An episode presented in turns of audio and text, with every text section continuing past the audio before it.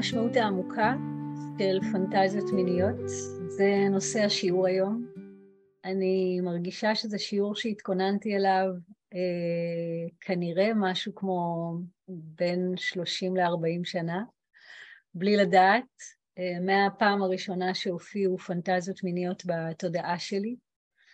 אה, אני מאוד שמחה להיות כאן הערב, זה שיעור מרגש מבחינתי, כי אה, הנושא הזה של פנטזיות מיניות הוא היה, אה, היה במובן מסוים אפילו עדיין אחד השערים הגדולים לריפוי שלי. פנטזיות מיניות בכלל זה נושא כל כך נפוץ, כל כך, כל כך טבעי, כל כך כלל אנושי, שנראה לי שהוא באמת נוגע בכולנו, בטח בכל מי שנמצאים איתי ונמצאות איתי כאן היום. אז תודה שאתם כאן, יש משמעות מאוד גדולה לעובדה שנמצאים איתי כאן אנשים הסקרנות שלכם ובהמשך גם השאלות שלכם עוזרות לנושא הזה להיפתח. אמ, אני מזמינה אותנו להקשבה רכה. הקשבה רכה זה אומר שלא חייבים להסכים עם שום דבר שאני אומרת, אלא רק לשמוע, להקשיב, להרגיש מה שנוגע, נוגע, מה שלא נוגע, לא נוגע. אה, אני בסך הכל מציגה כאן נקודת מבט ולא אמת מוחלטת. אה, למי שככה אני אציג את עצמי, אני דורית בר, אני מורה לתקשורת אינטימית ומינית מודעת, אה, עוסקת בתחום שלי הרבה מאוד שנים, קרוב ל-15 שנה, עוסקת בריפוי אה, מהילדות שלי, מגיל 14. היום אני בת 48, אז הרבה שנים. ומיניות הפכה להיות נושא שמעניין אותי באופן מיוחד בתוך מסע הריפוי שלי בתחילת שנות ה-30. אה, ומאז אני בעצם הופכת כל אבן סביב הנושא של מיניות ולומדת אותו וחוקרת אותו קודם כל דרך החוויה הישירה שלי ובהמשך גם בצורות אה, נוספות. אה, הנושא הזה של המשמעות העמוקה של פנטזיות מיניות מעניין אותי מאז ומעולם ובשנים האחרונות מתחילה להופיע בהירות בתוכי שאותה אני ארצה לחלוק איתכם היום. אז לפני שניכנס ככה לעומק של הדברים, אני רק אגיד, ינסה לענות על השאלה למה אני מתכוונת כשאני משתמשת במילה פנטזיה מינית, כי זה צמד מילים שהרבה אנשים משתמשים בהם ובכל מיני הקשרים. אז נעשה ככה טיפה אה, מובחנות כדי שנוכל לדבר באותה, באותו רובד. אה, אז אני אגיד שכשאני מדברת על פנטזיות מיניות, אני מתכוונת לתמונות, איזה שהן תמונות אה, תודעתיות, תמונות שמופיעות בתודעה, אה, מוכרות או לא מוכרות, אוקיי? למשל, נגיד אה, מישהו יכול להגיד לי, כשאני מאונן, הפנטזיה שאני אוהב לאונן איתה זה שלי והאקס, אני והאקסיט שלי באיזשהו אקט מיני, אוקיי? זאת צורה של פנטזיה מינית. מהצד השני יש תמונות תודעתיות לא מוכרות, כלומר, למשל, וכאן אני אתן כבר את ההתחלה של הסיפור האישי שלי, כשהייתי נערה, אני לא זוכרת את הגיל המדויק, אבל כנראה שזה היה 14, 15, 13, התחילו, התחלתי לאונן אה, בצורה אה, קבועה, בוא נאמר, אני זוכרת את עצמי נוגעת בעצמי ומענגת את עצמי ושזה נעים, והתמונות שמופיעות בתודעה שלי הן תמונות אלימות, זה היה סוג אחד של תמונות, או למשל ממש תמונות של אונס שאונסים אותי. והסוג האחר של תמונות שהופיע זה היה תמונות שאני סוג של חשפנית, ונוגעים בי, וזה נעים לי, שימו לב, זה נעים לי, ונותנים לי כסף. עכשיו, התכנים האלה, לא האונס ולא החשפנות, לא היו קשורים לחיים שלי בכלל. עוד לא היה לי בכלל ניסיון מיני, לא היה פורנו, בכלל לא היה, בקושי היה לנו טלוויזיה שחור לבן בבית, אולי בדיוק הגיעה טלוויזיה צבעונית וראינו אה, סדרה שיש בה נשיקה, אולי, אבל לא ראיתי תכנים כאלה בשום מקום, אה, לא קראתי על תכנים כאלה בצורה כזאת גרפית, כלומר היה שם איזשהו, הפנטזיה המינית הזאת הגיעה מהמעמקים שלי, ואז גם עוד לא הייתי בכלל במקום של לשאול שאלות כמו למה אני מדמיינת את התמונות האלה ולמה התמונות האלה מעוררות אותי מינית. אה, כמובן שאלה שאלות שהופיעו הרבה יותר מאוחר ומכאן גם הנושא של השיעור. אז פנטזיה מינית, תמונה מוכרת או לא מוכרת, שמעוררת אותי מינית. זה פחות או יותר ההגדרה שאני מתייחסת אליה. אני לא מתייחסת כאן אה, לתשוקות מיניות, כי זה כבר פשוט נושא אחר לגמרי. תשוקות מיניות זה דברים שבא לי לממש במרחב המיני, אוקיי? אה, בא לי שלישייה, בא לי לראות אותך עם מישהו, בא לי לראות אותך עם מישהי, בא לי סווינגרס, בא לי אביזרי מין. זאת אומרת, תשוקות מיניות זה עולם ענק, ורק חלק מתוך התשוקות המיניות נכנס לקטגוריה של פנטזיה מינית. אז תשוקות מיניות, נשים אותן רגע בצד. מי שירצה יכול למצוא בפודקאסט שלי שיעור שנדמה לי נקרא ביטוי צרכים ורצונות במיניות, וזה יכול לענות על הנושא של איך לבטא תשוקות מיניות במרחב המיני. אבל כרגע אני דווקא רוצה להתמקד בתמונות האלה שמופיעות לנו ומעוררות אותנו מינית. לפעמים יש פנטזיות מיניות, וגם אליהם אני מתייחסת, שהופכות לפט, לפטישים מיניים. יכול להיות ששמעתם את המושג הזה, מושג שמגיע מעולם הסקסולוגיה. הפירוש של פטיש מיני אומר שאני חווה עוררות מינית רק בדרך הזאת, אוקיי? למשל, למישהו יכול להיות פטיש מיני של סאדו מאזו. הדבר היחיד שהוא או היא, זה לא משנה, אני מתייחסת כאן לכל המינים אה, ולכל סוגי ההגדרות המיניות והמשיכות המיניות. אדם יכול לומר, אני חווה עוררות מינית רק אם אני בשליטה, או להפך, רק אם שולטים בי, או רק אם את המלכה, או רק אם אני עם שוט, או רק אם את לבושה בשחור, או רק אם את בדוגי, אה, תנוחה, תנוחת, אה, תנוחה מינית. זאת אומרת, כשיש לי איזושהי הגדרה צרה, ספציפית ומוגבלת לעוררות המינית שלי, זה נקרא פטיש מיני בשפה המקצועית, וזה לגמרי נכנס לקטגוריה שאני קוראת לה פנטזיה מינית, כלומר, ישנו שם איזשהו סיפור פנימי בתוך התודעה, מאוד מאוד ספציפי, שחוזר על עצמו. כן יכולות להיות לו גרסאות שונות. נגיד, אני אחזור לסיפור האישי שלי, התמונות האלה של האונס והחשפנות שראיתי בתור נערה בתוך התודעה שלי, הם השתנו לאורך השנים, אבל כן נשאר, איז, נשארה איזושהי מהות מסוימת שחזרה על עצמה, והיא המהות של אנרגיה כוחנית ואלימה, שלא הבנתי מאיפה היא באה, ו, ואני, ואני עוד אוסיף עוד מימד לנושא של הפנטזיה המינית, גם לא חיפשתי להגשים אותה במציאות, אף פעם לא רציתי שמישהו יהיה כוחני אליי, או שאני אהיה כוחנית למישהו. זאת אומרת, היא באמת הייתה בגדר פנטזיה, אוקיי? אז שימו לב שהנושא הזה של תשוקה מינית, פנטזיה מינית, פטיש מיני, הם דומים, הם באים מעולמות דומים, תשוקה משהו שאני רוצה, פנטזיה משהו שאני מדמיינת, אבל לא, רוצ... הוא מעורר אותי מינית, אבל אני לא רוצה אותו בתוך המציאות, ופטיש מיני זה כבר איזושהי פנטזיה שהפכה למציאות, אוקיי? ויש אנשים כאלה. שצורות מסוימות בלבד של מיניות מעוררות אותם, ואז זה נקרא פטיש. אז המפגש היום, השיעור היום, מתייחס בעיקר לשתי האפשרויות האחרונות, פנטזיה מינית, פטיש מיני, ואני אשתמש במילה המכלילה פנטזיה מינית, ועכשיו אתם גם תבינו למה אני מתכוונת. אז בזמן שאתם ככה מקשיבים לי, קחו לכם נשימה עמוקה, שזה תמיד טוב, ותנסו לחשוב על האם כשאני מאוננת, האם כשאני מאונן, האם יש לי סוג מסוים של תמונה שאני מעלה לתודעה או שעולה באופן אוטומטי לתודעה כדי שאני אחווה גירוי מיני, אה, וגם האם כשאני מקיימת יחסים מיניים עם מישהו, עם מישהי, האם אני מדמיינת משהו. זאת אומרת, מצד אחד אני נוכחת באקט המיני, מצד שני התודעה שלי נמצאת במקום אחר. ואם יש כזה סגנון, תכתבו אותו לעצמכם או תחשבו עליו רגע ותמשיכו להקשיב לשיעור ואולי ביחד נוכל לענות על השאלה מה המשמעות העמוקה של פנטזיות מיניות. אוקיי.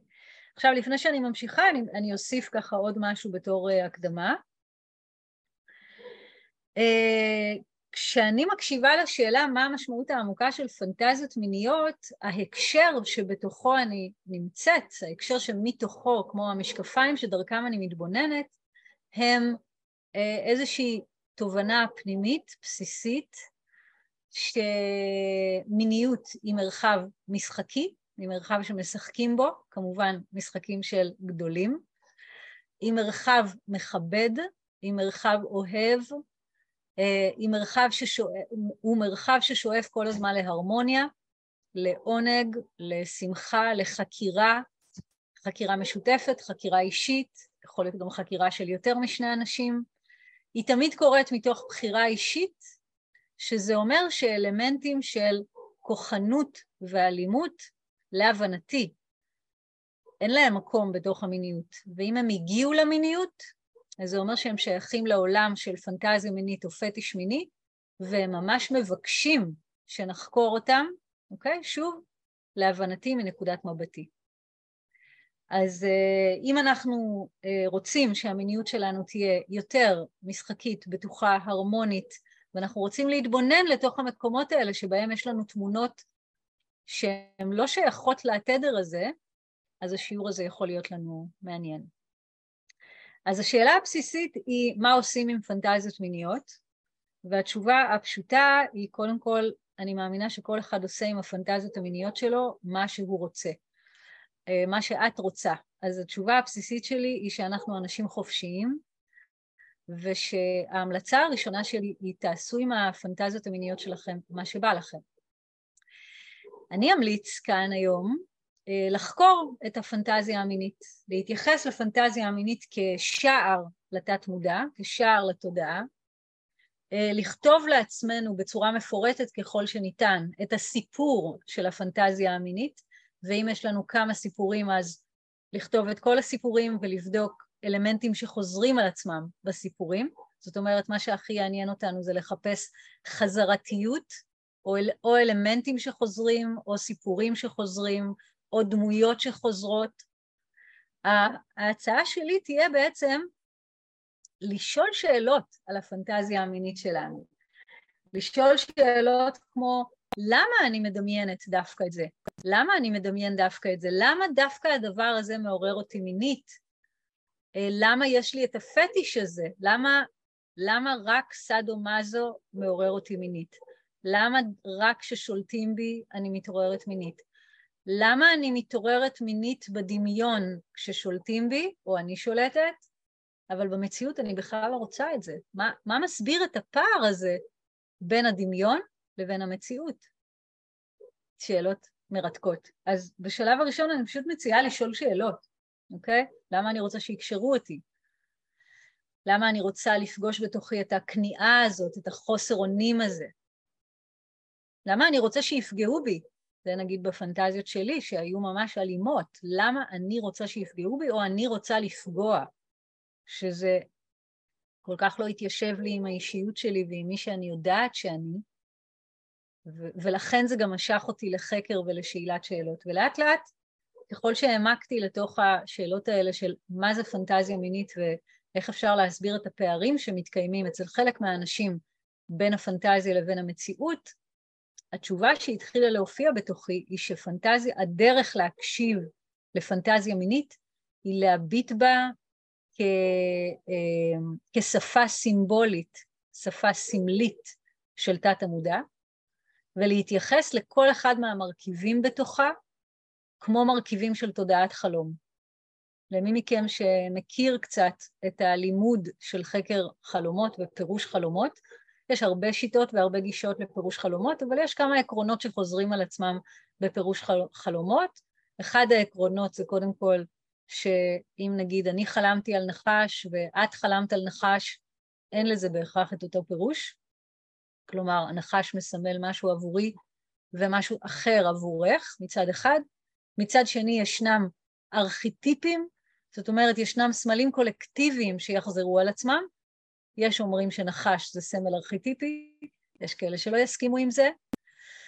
אמ, אז אחד, זה אישי מאוד, שתיים, יש סמלים קולקטיביים, ושלוש, כל מה שמופיע בחלום מסמל חלק בתוכי. אוקיי? עכשיו בואו ניקח את אותם עקרונות וניישם את זה על הפנטזיה המינית. בעצם מה אני אומרת?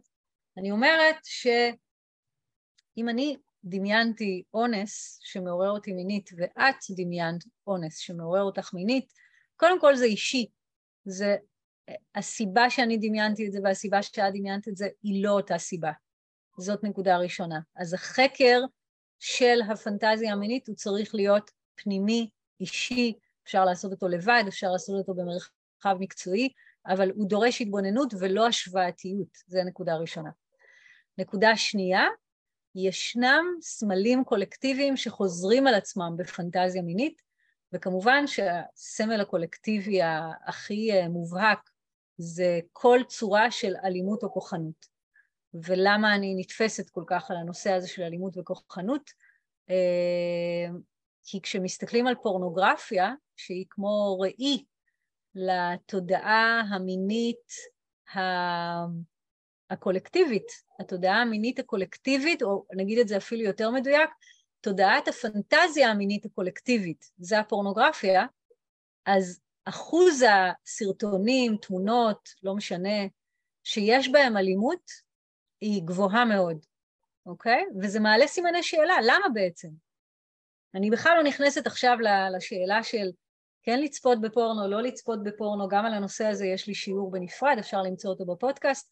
אני מתייחסת רגע רק לתוכן עצמו. למה כל כך הרבה אנשים מתעוררים מינית באמצעות תמונות פנימיות או חיצוניות שיש להם אלמנט כוחני או אלים? שאלה מרתקת, אוקיי?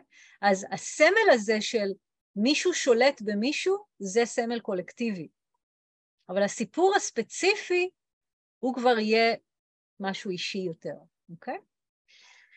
אז uh, כמו שאמרתי, אני חוזרת על זה שאני מקשיבה לפנטזיה מינית כשפה סימבולית.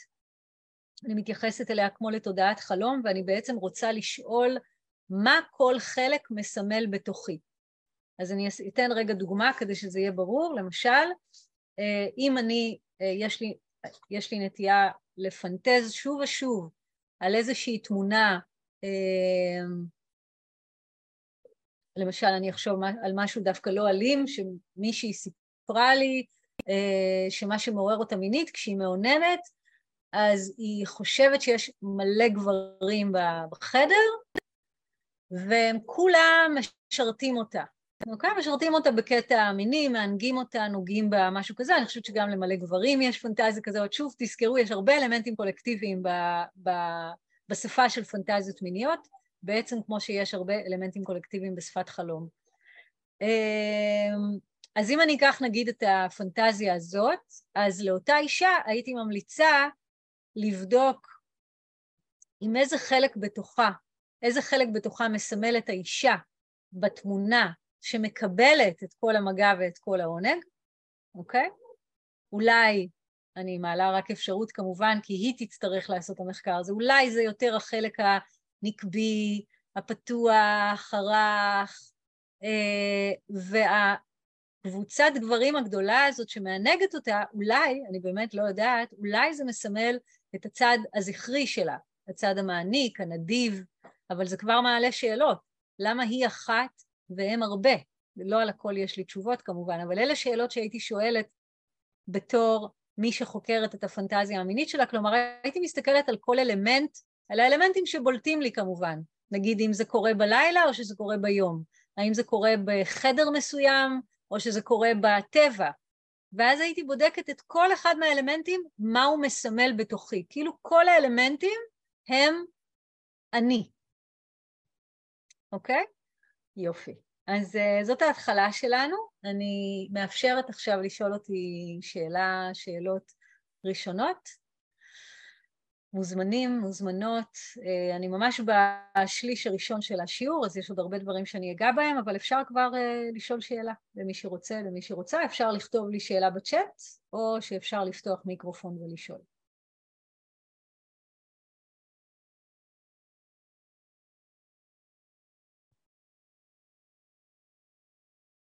בואו נבדוק אם אני רואה את הצ'אט.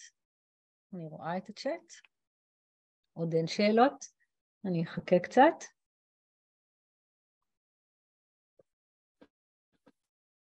אוקיי. אורית, את בסדר. אה, אה, הנה יש לי שאלה, כן? מישהו התחיל לדבר. אה, מישהו שהתחיל לדבר מוזמן לדבר שוב. כן, אני שומעת אותך.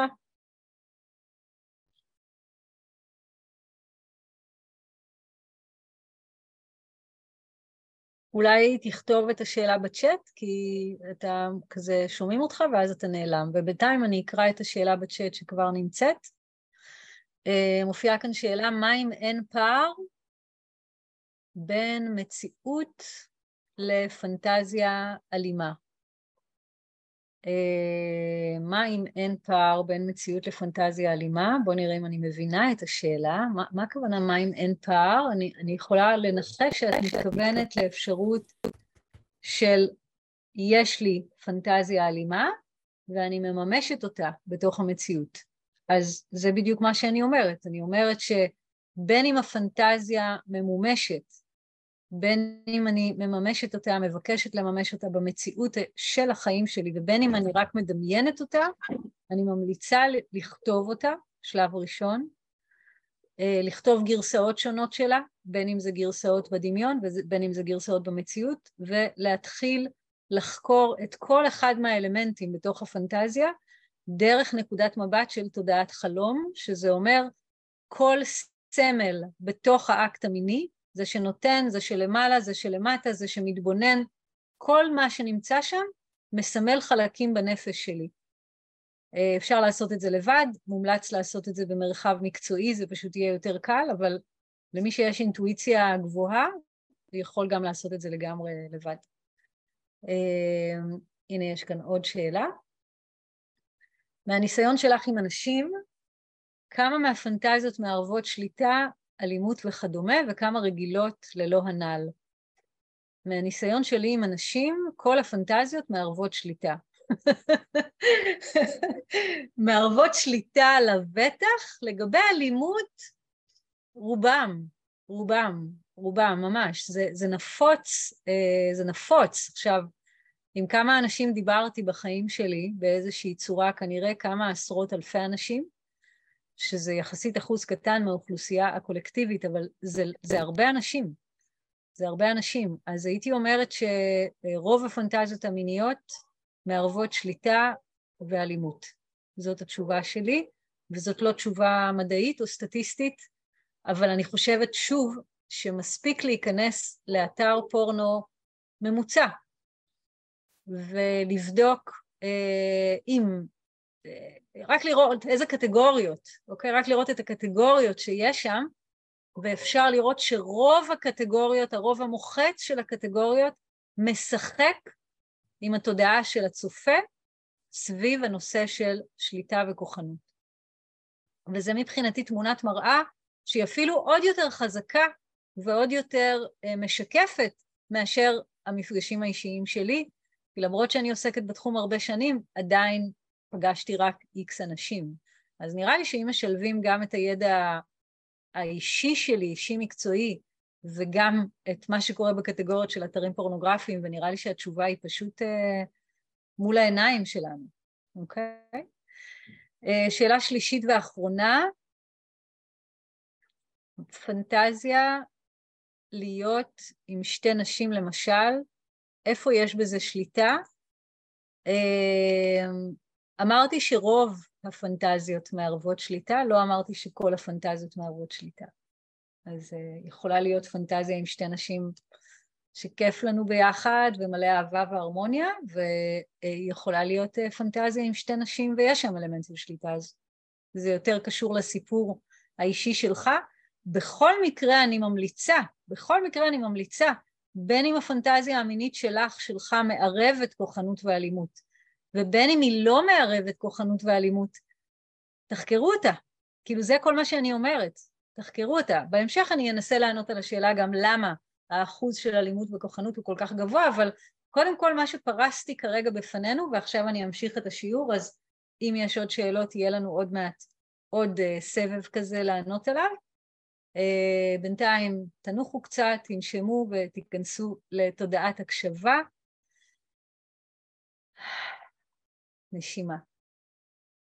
ההמלצה הראשונה היא, קודם כל תזהו אם יש לכם סיפור שחוזר על עצמו, שמעורר אתכם מינית, בין אם זה פנטזיה שהיא רק בדמיון, ובין אם זה פנטזיה שהיא גם במציאות. בסדר? קודם כל תתייחסו לזה כסיפור, תכתבו אותו, תפרקו אותו לגורמים, דמות, דמות, דמות, מרכיב, מרכיב, מרכיב, כיסא, מיטה, אור, לא יודעת, כל המרכיבים, ותתייחסו לכל הסמלים, כל המרכיבים, סליחה, כסמלים בנפש האישית שלכם. אוקיי? שלב ראשון, לאט לאט. אז uh, סיפרתי לכם קצת על, ה, על המסע האישי שלי, שהתחיל בגיל ההתבגרות עם, עם uh, תמונות תודעתיות אלימות שלא ידעתי מה המקור שלהן. ו, וכל השנים הסתכלתי על הדבר הזה. בוא נאמר שבתור נערה הייתי הכי פחות מודעת יחסית להיום, זה פשוט היה שם. לא שאלתי כל כך למה. לא שאלתי את זה, לא היה לי נראה לי מספיק תובנה בכלל לשאול, ברור שלא דיברתי על זה עם אף אחד, אבל ככל שגדלתי עם הגיל והתחלתי גם להתנסות במיניות וראיתי שאני בכלל לא נמשכת לשום סוג של מיניות שיש בה אלמנטים של אה, כוחנות, שום דבר שדומה למה שאני מדמיינת, הפער הזה נהיה יותר ויותר גדול והשאלה נפתחה בתוכי יותר ויותר רחב. אה, ככל שהעמקתי והפכתי להיות אשת מקצוע, עוד יותר השאלה הזאת גדלה בתוכי. אה, וכל, הזמן פשוט כמו נקשה לי בדלת וביקשה שאני, שאני אביט לתוך זה וינסה לענות גם לעצמי ברמה האישית וגם ברמה הרחבה יותר, למה? מה זה הדבר הזה? מאיפה זה בא? אז uh, אני חוזרת על מה שאמרתי בהתחלה, כי יכול להיות שמה שאני אחלוק איתכם עכשיו עשוי להיות מטלטל לחלק מהאנשים, אז אני גם מציעה לכם לנשום עמוק, גם מזכירה לכם שלא צריך להסכים עם שום דבר שאני אומרת, ומה שאני חולקת זאת נקודת מבט. אחרי שכל ההקדמה הזאת, אז אני אגיד שבמבט הפנימי שלי למדתי שהפנטזיה המינית אה, שאני פינטזתי ביקשה להעיר אותי, להעיר אותי, ממש להעיר אותי בעין, לעובדה שעברתי פגיעה מינית שלא ידעתי עליה. לקח לי המון, המון, המון, המון שנים לגלות את זה.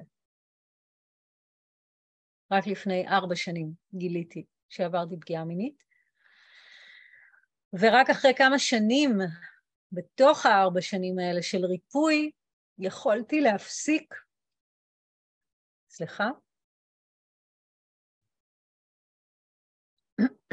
יכולתי להפסיק להשתמש בתמונות האלימות כדי להתעורר מינית. זאת אומרת,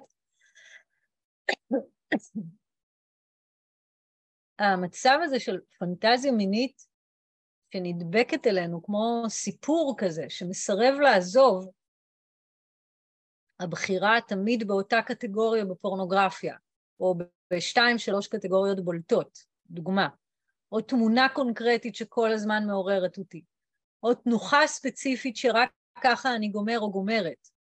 כל החזרתיות הזאת, היא, היא, היא זאת שאמורה לגרום לנו לא, לשאול שאלות ולהיות סקרנים לגבי עצמנו,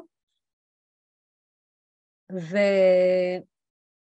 ולעצור ול... ולשאול למה, אוקיי? זאת אומרת, התחושה שלי הייתה, אני לא יכולה להתעורר מינית בצורה אחרת, אם אני לבד.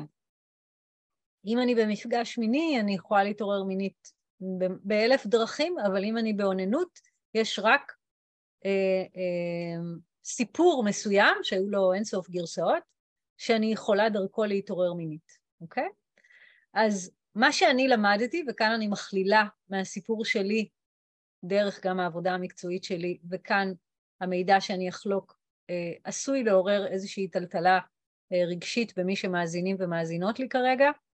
ההבנה שלי זה שפנטזיות מיניות הן למעשה סוג של שחזור טראומה אישי או קולקטיבי. זה לא אומר שכל מי שיש לו עולה פנטזיה מינית כוחנית או אלימה עבר פגיעה מינית בתקופת החיים הזאת. זה לא אומר את זה ואני גם אסביר למה זה לא אומר את זה. אני חוזרת למה שאמרתי בחלק הקודם, פנטזיה מינית היא מוגזמת, אוקיי? היא מוגזמת כמו שחלום הוא מוגזם, אוקיי? אם אתם תסתכלו על התכנים של חלומות שלנו בלילה, הם מאוד לא מציאותיים. אנחנו מעופפים, אנחנו, יש לנו, לפעמים אנחנו חיה, לפעמים אנחנו אה, כל מיני דמויות לא מוכרות. אנחנו עוברים בין זמנים, זקנים, ילדים. חלום הוא לא מציאותי, ובעצם זה גם מה שאני אומרת על פנטזיה. פנטזיה היא לא מציאותית, היא מוגזמת, אבל היא מסמלת טראומה שעברנו. היא לא חייבת להיות טראומה מינית, היא יכולה להיות טראומה רגשית, שבתוך האקלים התרבותי והחברתי שאנחנו חיים בו, שזה אקלים תרבותי של אחת מתוך אחת, בסוגריים אחד מתוך אחד, סימן שאלה, לא יודעת. האם העובדה שכל אישה בעולם מרגישה שהיא עברה איזושהי רמה של הטרדה מינית, האם זה אומר שגם כל גבר בעולם מרגיש שהוא עבר איזושהי רמה של הטרדה מינית בתור פוגע או בתור נפגע? אני לא יודעת. אין לי מספיק אה, את המידע הזה, אז אני שמה שם סימן שאלה. על נשים יש לי את כל המידע. כל אישה עברה איזושהי רמה של הטרדה מינית, ולא רק בישראל כמובן. אז בתוך האקלים שאנחנו חיים בו, שזה אקלים פורנוגרפי, הפורנו נמצא בתוך סדרות הטלוויזיה, התרבות הכללית היא תרבות אלימה, הפוליטיקה שלנו אלימה, הממשל שלנו אלים, אמ, המוסדות שלנו אלימים בחלקם, באופן שבו הם נוהגים באזרחים. נוסיף לזה אה, טראומות רגשיות שכל ילד או ילדה סוחבים מהילדות שלא ראו אותם או לא שמעו אותם, או איזה בריונים הרביצו להם בבית ספר. שוב, זה לא חייבת להיות טראומה מינית, אחד ועוד אחד שווה שתיים, נוצרת פנטזיה מינית אלימה או כוחנית, אוקיי? זה, איך אני אגיד? זו ההבנה שלי. זו ההבנה שלי. עכשיו, כשאני מציעה לכם לחקור את הפנטזיות שלכם דרך תודעת חלום, ההצעה שלי, אל תאמינו לתובנה שלי. כרגע תקשיבו לתובנה אם היא מעניינת, אבל תחקרו את זה בשפה, תחקרו את השפה הסימבולית שלכם, אתם תגיעו לתשובות שלכם בעצמכם.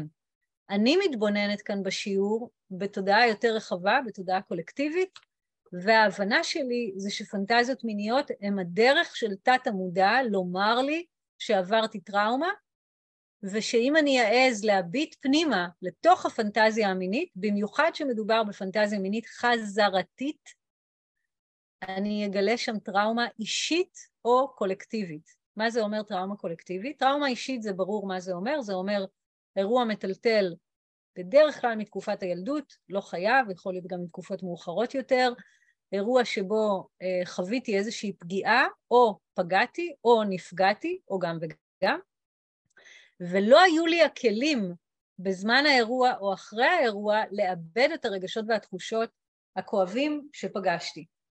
ואז האירוע הזה אה, כמו, אה, הוא, הוא כמו קפסולה של זמן תקוע בתוך המערכת שלי, הוא אוגר בתוכו עוצמה חזקה מאוד של אה, כאב, כאב רגשי.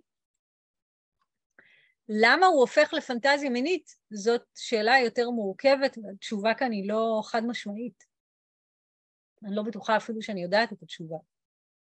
אבל uh, העובדה היא שלפעמים טראומות רגשיות שבהן הרגשנו מאוד חלשים, חלשות, הופכות לפנטזיה מינית, ולפעמים לא.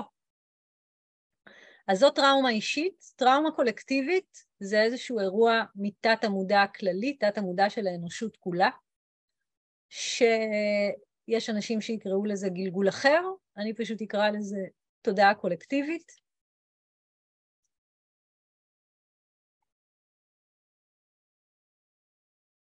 עכשיו, בטראומות הקולקטיביות קל מאוד לראות כמה אלימות הייתה שם. קצת חקר של ההתפתחות, האבול, האבולוציה האנושית מלמדת אותנו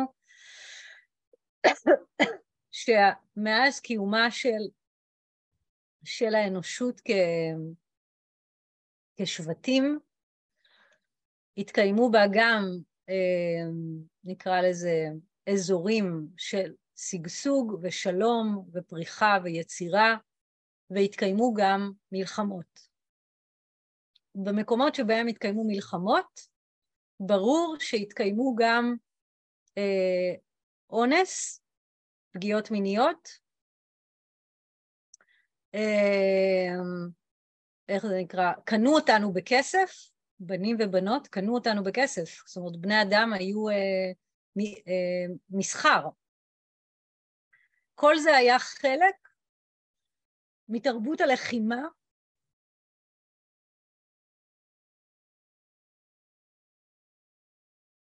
אוקיי, okay. אז טראומה קולקטיבית, אה, אני חושבת שזה מושג שקל מאוד להבין אותו. אז נראה לי שהסברתי ונראה לי שזה מובן שבתור uh, תודעה, בתור uh, אנושות, עברנו הרבה מאוד מאורעות אלימים, ולמעשה גם היום, גם ברגע זה, ישנם אזורים בעולם שמתקיימים בהם מלחמות, uh, חלק מהם לא רחוקים מאיתנו בכלל.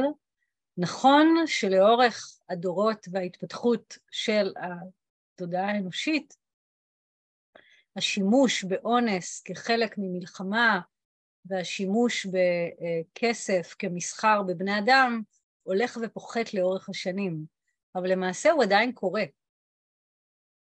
עכשיו, ייתכן שאנחנו מאמינים שברגע שאני מתה, מתישהו אני אמות, אז uh, זהו, אני מתה, ומה שעברתי עברתי וזה נגמר, אבל כשמדברים על תת-מודע אישי וקולקטיבי, יש ביניהם קשר. וכמו שיש שחזור טראומה אישי, שזה אומר שאם אני חוויתי טראומה, למשל, ניקח את הסיפור האישי שלי, אכן חוויתי טראומה, אז הפנטזיה המינית אה, סיפרה לי שחוויתי טראומה, אוקיי? היא גילתה לי שחוויתי טראומה ולא ידעתי את זה, ולמה היא גילתה לי את זה? כי היא רצתה שאני אתעורר. אז כמו שזה קורה ברמה האישית, זה גם קורה ברמה הקולקטיבית. בתור קולקטיב, אנחנו רוצים ורוצות להתעורר לעובדה שיש אלימות בעולם ושהייתה אלימות בהיסטוריה שלנו. למה אנחנו רוצים להתעורר לעובדה הזאת? כדי שנוכל לרפא את עצמנו, כדי שנוכל אה, אה, להיות יותר טובים אחד לשני, להיות יותר טובים לעצמנו, להיות יותר טובים לילדים שלנו, לבני זוג שלנו ולכל האנשים בעולם. אז בעיניי להיכנס לאתר פורנוגרפי, אה, שזה משהו שהתנסיתי בו בעבר הרחוק, אני לא עושה את זה היום, אבל אני זוכרת איך זה נראה, אני מניחה שרק היום הכל יותר משוכלל, להיכנס לאתר פורנוגרפי זה כמו להיכנס למנהרת הזמן, לתת מודע של מנהרת הזמן, ולראות איזה סוגי טראומות מיניות בעיקר, כי הכל שם זה מיני מן הסתם, אה, רצות בתודעה. למשל, אחת, ה, אחת הפנטזיות המיניות, ה, אה, איך להגיד, הפופולריות, הקטגוריה הפופולרית אה, באתרי פורנו, זה איזשהו אדם מבוגר, נקרא לו אבא לצורך העניין, וילדה. ברור שבאתרים הפורנוגרפיים לא משתמשים בילדות, כי זה לא חוקי, אז משתמשים בנשים מאוד צעירות, שנראות כמו ילדות, מלבישים אותן כמו ילדות, ויש ביניהם איזשהו אקט מיני, אוקיי? שזה הדבר הראשון שעולה מזעזע, אבל זה גם אמיתי. כמה בנות עברו פגיעה מינית על ידי אבא, דוד, סבא, אח גדול? מעלה. כמה בנים עברו פגיעה מינית על ידי אבא, סבא, דוד, אח גדול? קצת פחות, אבל גם, אוקיי? ההבדלים בין בנים לבנות בפגיעות מיניות הם לא כאלה גדולים כמו שאנחנו נוטים לחשוב, הם פשוט אה, פחות מדוברים, כי בנים פחות מדברים, אבל אה, כן. אז זה לגבי אה, טראומה קולקטיבית, אני אפתח שוב לשאלות, ותודה שהייתה לכם סבלנות לעבור איתי את ההפסקה הקטנה. בואי נראה בינתיים אם יש שאלות בצ'אט. חמודים, תודה כל הלבבות. אה, מוזמנות, מוזמנים לשאול שאלות, אפשר גם לפתוח מיקרופון ולשאול שאלה. יש כאן הערה, זה מגיע לא רק מהחיים שלנו כאן, זה מגיע מתת המודע, מחיים בגלגול קודם. אה, כן, זה בדיוק מה שאמרתי, פנטזיות מיניות, מסמלות את תת-המודע האישי ואת תת-המודע הקולקטיבי. תת-המודע הקולקטיבי בשפה, הקולק... בשפה היותר מקובלת קוראים לזה גלגולים קודמים. אה, אני מעדיפה את המושג טראומה קולקטיבית כי זה לא אני שמתגלגלת, זה התודעה. אוקיי? התודעה מתגלגלת ואני חלק ממנה. אבל אפשר בהחלט לקרוא לזה גלגולים קודמים. אה, מוזמנים לשאול שאלות, אני ממש אשמח לענות על שאלות. בינתיים אני אבדוק גם מה עוד אני רוצה לשתף אתכם. הנה, יש כאן שאלה. אה, מה לגבי פנטזיות שיש בהן דווקא כניעה?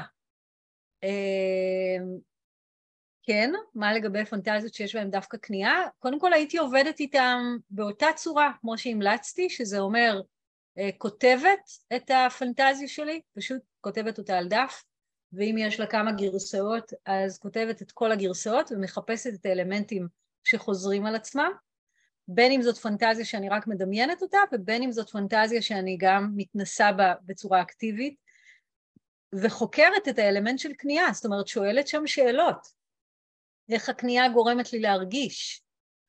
אה, התשובות יהיו שונות מאדם לאדם. יש אנשים שכשאני משתמשת במילה כניעה, הם מרגישים ישר חולשה, חוסר אונים, פחד. יש אנשים שכשאני משתמשת איתם במילה כניעה, זה מחבר אותם למקום של התמסרות ופתיחות. אז החקר כאן הוא מאוד מאוד אישי, אה, ו- וחשוב לזהות את קו הגבול בין תשוקה מינית לפנטזיה מינית.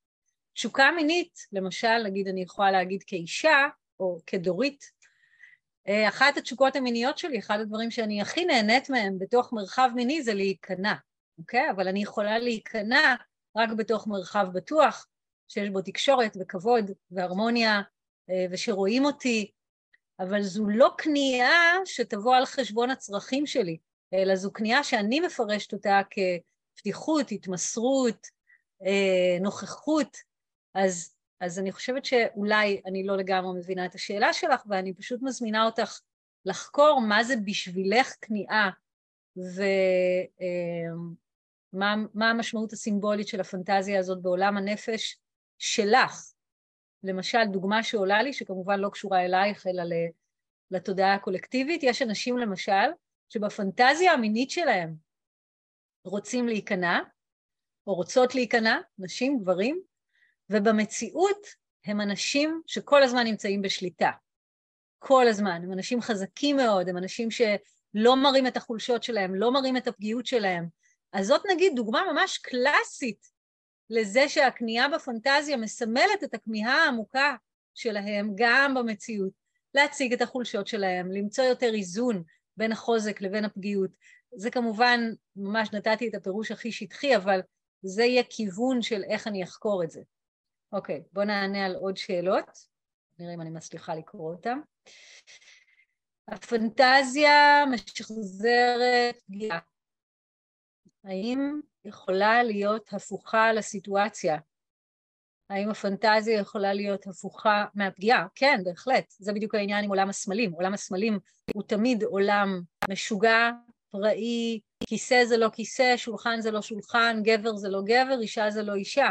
הכל שם זה סמלים. אז בהחלט יכול להיות שהפנטזיה הפוכה לפגיעה, הפגיעה הפוכה לפנטזיה לגמרי. בהחלט כן.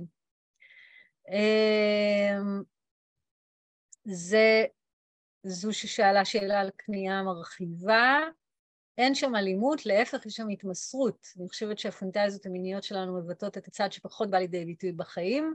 כן, Uh, כן, אז בעצם מה שאת כותבת כאן זה יותר תשוקה מינית מאשר פנטזיה מינית. כשאני מדברת על פנטזיה מינית, אני מדברת על איזשהו, uh, איזשהו, איזשהו פטיש מסוים או תמונה מסוימת שחוזרת על עצמה, מוגבלת וצרה וספציפית להתעוררות מינית, או uh, התנהגות מסוימת שאני חייבת להתנהג רק ככה. התמסרות היא יותר הטבע של הנשמה, הטבע של הלב, היא בחוויה שלי לא נכנסת בכלל לקטגוריה של פנטזיה, אלא יותר לקטגוריה של רצון, וזה נהדר, טוב שיש לנו רצונות. אמ, שואלת אותי כאן, איך גיליתי שנפגעתי? אמ, זו לא שאלה שמתאימה לשיעור הזה, אז אני לא אענה עליה כרגע, אבל uh, את יכולה למצוא בפודקאסט שלי uh, שיעור שלם שבו אני מסבירה ומשתפת בדיוק איך גיליתי ואיזה מסע ריפוי עברתי, uh, אז שם אני מספרת את הסיפור, תודה על השאלה. האם לדעתך אפשר לרפא דווקא את הטראומה דרך ההגשמה של הפנטזיה ולהביא שם רפואה? תודה, תודה, תודה על השאלה הזאת, אני ממש אשתמש בה כדי אה, לעבור לחלק השלישי והאחרון של השיעור, אה, אז אני מיד עונה על השאלה הזאת. אז בואו נראה רגע איפה אני כאן, אוקיי, מעולה. אז קודם כל אני רגע אענה על השאלה למה אה, אני אסכם בעצם תשובה שכבר נתתי, אני רק אחדד אותה, למה יש כל כך הרבה פנטזיות מיניות אלימות או כוחניות, ולמה האלימות כל כך נפוצה בפורנוגרפיה? קודם כל כי אנחנו חברה ותרבות שפגיעות מיניות הן מאוד נפוצות בה, אנחנו חברה ותרבות שאלימות מאוד נפוצה בה, ואנחנו חברה ותרבות שבעיניי רק התחילה את תהליך הריפוי של הטראומות הקולקטיביות. הדור הזה, הדור הספציפי הזה, אנחנו, אנחנו הדור שמתחיל לעשות את המעבר מתודעה הישרדותית, באנו לעולם כדי לשרוד, לתודעה התפתחותית, באנו לעולם כדי להתפתח, לשגשג, לפרוח, לגדול רוחנית, רגשית, זוגית, מינית, וזה אומר שרק עכשיו אנחנו מתחילים להבשיל, להסתכל בכלל לתוך, למשל, הפנטזיות המיניות שלנו ולהגיד, רגע, רגע, למה יש לי פנטזיה מינית כזאת ולא אחרת, אוקיי? אז זה לגבי למה יש כל כך הרבה אלימות. עכשיו, איך אפשר אה, והאם כדאי בכלל להגשים פנטזיה מינית לצורך ריפוי? אז אני אגיד שוב, להבנתי, כשיש מיניות אינטימית, מיניות אינטימית זה אומר שיש קשר, שזה לא משהו חד פעמי, יש קשר, יש היקשרות, יש ביטחון, יש תקשורת, יש כבוד, אנחנו לא רק אה, מקיימים יחסים מיניים אחד עם השני, אנחנו גם אוכלים ביחד, צוחקים ביחד, מבלים ביחד, קצת מכירים אחד את השני, רצוי אפילו הרבה, ואז בתוך ביטחון רגשי אפשר להשתמש בפנטזיה מינית לצורך ריפוי, אבל יש כמה תנאים. התנאי הראשון זה שזה נעשה אחרי חקר פנימי אישי שלי. קודם כל אני צריכה לחקור את הפנטזיה שלי. צריכה. כדאי לי. זאת אומרת, לפני שאני אה, אני יכולה לספר לבן זוג שלי, לדבר על פנטזיות זה תמיד מומלץ, כי זה כמו לספר על חלומות, אז לדבר זה חיובי מאוד, וכל שיח שהוא אינטימי ופגיע וחשוף מקרב לבבות. אבל יש הבדל בין לדבר לבין בוא נגשים את זה. אז לפני שאני מגשימה את זה עם בן בת זוג, אני קודם כל ממליצה לכם, תחקרו את זה בעצמכם. תכתבו את זה, כמו שתיארתי קודם, כמו שרוצים לפרש חלום, תכתבו את הפנטזיה, תזהו את הסמלים שבתוכה ותבדקו מה כל אחד מהסמלים מסמל בתוך הנפש, תעשו את זה לבד, דרך מדיטציה, כתיבה או במרחב מקצועי של טיפול אישי או טיפול קבוצתי. ואחרי שהבנתם מה הסמלים ושוחחתם על זה עם בן בת הזוג, ויש רצון ובחירה משותפת של שניכם להיכנס לתוך החקירה הזאת, אז כן, היא יכולה להיות מרפאת. עוד תנאים חשובים זה שכמובן תהיה מילת ביטחון. מילת ביטחון זה אומר איזושהי מילה שאפשר להגיד אותה בכל רגע בתוך האקט המיני, ואנחנו יודעים, מילה יכולה להיות uh, כיסא, חילזון, uh, צבע ירוק. אני יודעת שכשאני אומרת אותה, האקט נפסק, וזה כדי לוודא שלא תהיה פגיעה משום סוג. Uh, ודבר נוסף שחשוב זה שיש יכולת הדדית ואמון, ש... כל אחד מהצדדים יודע שהוא יכול, אחד, לעצור בכל רגע, ושתיים, לשוחח על הרגשות שעולים גם בתוך ההתנסות עצמה וגם אחרי ההתנסות עצמה. ואז אם אנחנו משלבים בתוך ההתבוננות לתוך הפנטזיה המינית מיניות אינטימית, אינטימיות, תקשורת, לפני, תוך כדי, אחרי, אז כן, המימוש של הפנטזיה המינית יכול לשמש לריפוי.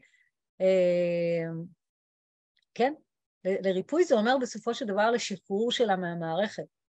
אה, כן, זו, זו ההבנה שלי מה זה ריפוי. אה, אז אני לא ממליצה באופן עקרוני, פשוט כל פנטזיה מינית שעולה לכם ושאתם מכירים אותה מתוך עולם האוננות הפנימי שלכם, להביא אותה לתוך הזוגיות ויאללה בוא נממש. יותר לאט, קודם לדבר, אחר כך לעשות את העבודה הפנימית, ואז לבדוק איך בן בת הזוג מרגישים עם זה, כי זה לא כזה פשוט בהכרח לאדם השני וגם לנו להיכנס לתוך איזשהו תפקיד כדי לחקור את הנפש שלנו דרך המגע האינטימי הזוגי. אה, זה לא לכל אחד, אוקיי? ובוא נאמר, זה בכלל לא הכרחי לצורך ריפוי, גם את זה חשוב לי להגיד. אפשר לעשות את כל הריפוי דרך זה שעצם זה שאני משתפת, עבודה פנימית, מדיטציה, כתיבה, או במרחב טיפול אישי, אה, וזהו. זאת אומרת, פנטזיות מיניות להבנתי בכלל לא נועדו למימוש, הן נועדו לחקר כמו בתודעת חלום. אה, לשיתוף, אני בהחלט מאמינה ששיתוף זה תמיד דבר טוב, בתוך זוגיות זה בונה ביטחון, זה בונה אמון, עצם השיתוף, אבל לא בהכרח המימוש. אני פתוחה לעוד uh, שאלות, שאלה, שתיים, uh, אפשר גם לפתוח מיקרופון ולשאול.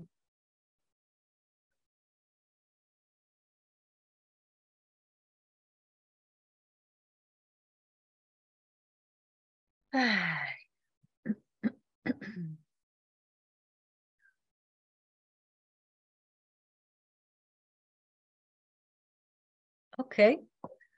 uh, בסדר. אז אני אגיד עוד כמה מילים לסיכום, ואם בינתיים יעלו לכם עוד שאלות, אני עדיין כאן, פתוחה. אז קודם כל אני אגיד תודה שהייתם איתי, והזמן uh, טס לי ממש, לא יודעת איך לכם. Uh, למי שרוצה ככה להעמיק איתי עוד גם איך לחקור פנטזיות מיניות וגם בכלל איך להעמיק וליצור uh, מיניות יותר uh, בריאה, מודעת, מחוברת, איך לתקשר על נושאים קונפליקטואליים בתוך מערכות יחסים, מוזמן לאחד ממרחבי הריפוי שלי, מוזמן, מוזמנת. יש הרבה כאלה, אז גם כדאי לכם להכיר את האתר שלי, doritbar.com. וגם אה, אני אגיד שיש קבוצות נשים וקבוצות גברים, יש לימודי אונליין פעם בשבועיים, אה, שבהם אפשר ממש לצפות בי מטפלת במישהו, ואז לעבור שיעור קבוצתי אה, של אינטגרציה על הטיפול שראינו. יש מסלול לימודים חדש, שאני קוראת לו מסלול מנהיגות, שרק התחלתי ככה, הוא ממש ממש דנדש מהקופסה, למי שרוצה ללכת איתי דרך ארוכה ולהפוך בעצמו למוביל של הידע הזה או של חלק מהידע, אז יש גם מסלול כזה, אה, וגם יש אה, חנות דיגיטלית, חנות השראה דיגיטלית שיש בה מדיטציות ותרגולים וקורסים דיגיטליים, ויש גם 20% הנחה למי שהיו בשיעור למשך אה, היומיים הקרובים, אז אתם מוזמנים גם להכיר את החנות. וגם אם נהניתם מהשיעור, אז אני ממש אשמח שתמליצו לחברים על הפודקאסט, זה יהיה נפלא. אה, בואו נראה אם יש שאלות. רגע. אה, אין עדיין שאלות, בסדר. אז אני אסכם ככה את, ה, אה, את הקו המרכזי של השיעור.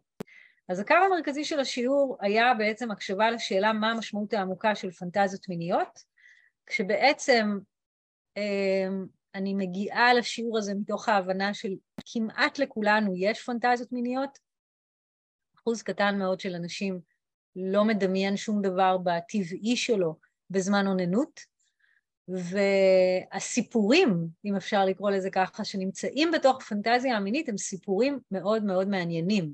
הם מספרים משהו על הנפש שלנו. נקודת המבט שהצעתי כאן היום היא להסתכל על הסיפורים שבתוך הפנטזיה המינית, אה, כמו שאנחנו מסתכלים על חלומות, שזה אומר לכתוב אותם, זה אומר להתבונן על כל סמל בתוך פנטזיה המינית ולבדוק מה הוא, מה הוא אה, משקף בתוך הנפש שלי. ההמלצה הבסיסית שלי בתוך זוגיות, למי שנמצא בתוך זוגיות או בתוך קשר, זה בהחלט לדבר בפתיחות על הפנטזיות המיניות, אני חושבת שזה מקרב לבבות ובונה אמון אה, ומאפשר לנו לסמוך אחד על השנייה, אבל לא למהר וליישם אה, להגשים, מה שנקרא, את הפנטזיה. להבנתי הפנטזיה לא נועדה להגשמה, הפנטזיה נועדה לחקירה, להקשבה, להתבוננות, מה קורה בנפש שלי, איפה הנפש שלי אה, לא שלמה עם עצמה, ולכן היא משחזרת איזושהי תמונה בתוך התודעה כדי לספר לי משהו עליי. אה, התובנה הכי עמוקה בעצם שחלקתי זה ש... פנטזיה מינית שחוזרת על עצמה ויש בה מימד כוחני או אלים, היא הדרך של תת המודע להעיר אותנו לטראומה שחווינו, היא יכולה להיות טראומה מינית או לא, היא יכולה להיות טראומה מתקופת החיים הזאת, או טראומה מהתודעה הקולקטיבית. אמ, ובמובן הזה בעצם הפנטזיה המינית באה לעזור לי, ממש כמו שחלום בא לעזור לי להכיר את עצמי יותר טוב, וגם כאן מה שאני מציעה זה אה, להעמיק חקר לתוך הפנטזיה המינית ולהקשיב לה כדי לשמוע את הסיפור שהיא רוצה לספר לי על עצמי, ואם אני רואה שקשה לי לעשות את זה לבד, אז כמובן שאפשר לבוא למרחבים מקצועיים. גם אני מלווה אנשים, יש עוד אנשים שמלווים אנשים אה, כדי לעזור להתבונן אה, מתוך נקודת המבט הזאת על פנטזיות מיניות. אה, תודה על הזמן שלנו ביחד. אני אסתכל מבט אחרון לראות אם יש איזושהי שאלה, ואין שאלות, יופי. היה לי כיף איתכם היום. אה, שיהיה לכולנו לילה טוב. ואנחנו ניפגש אה, בשיעורים הבאים, אני מאמינה, גם בשיעורים הפתוחים, גם בקבוצות שאני מלמדת. אני אשמח לראות אתכם, וכמובן בדף הפייסבוק מוזמנים לעקוב ולהיות ביחד. אה, מברכת אותנו במיניות אה, מלאה בהקשבה. זו הברכה שלי עבורנו היום. להתראות, נשיקות.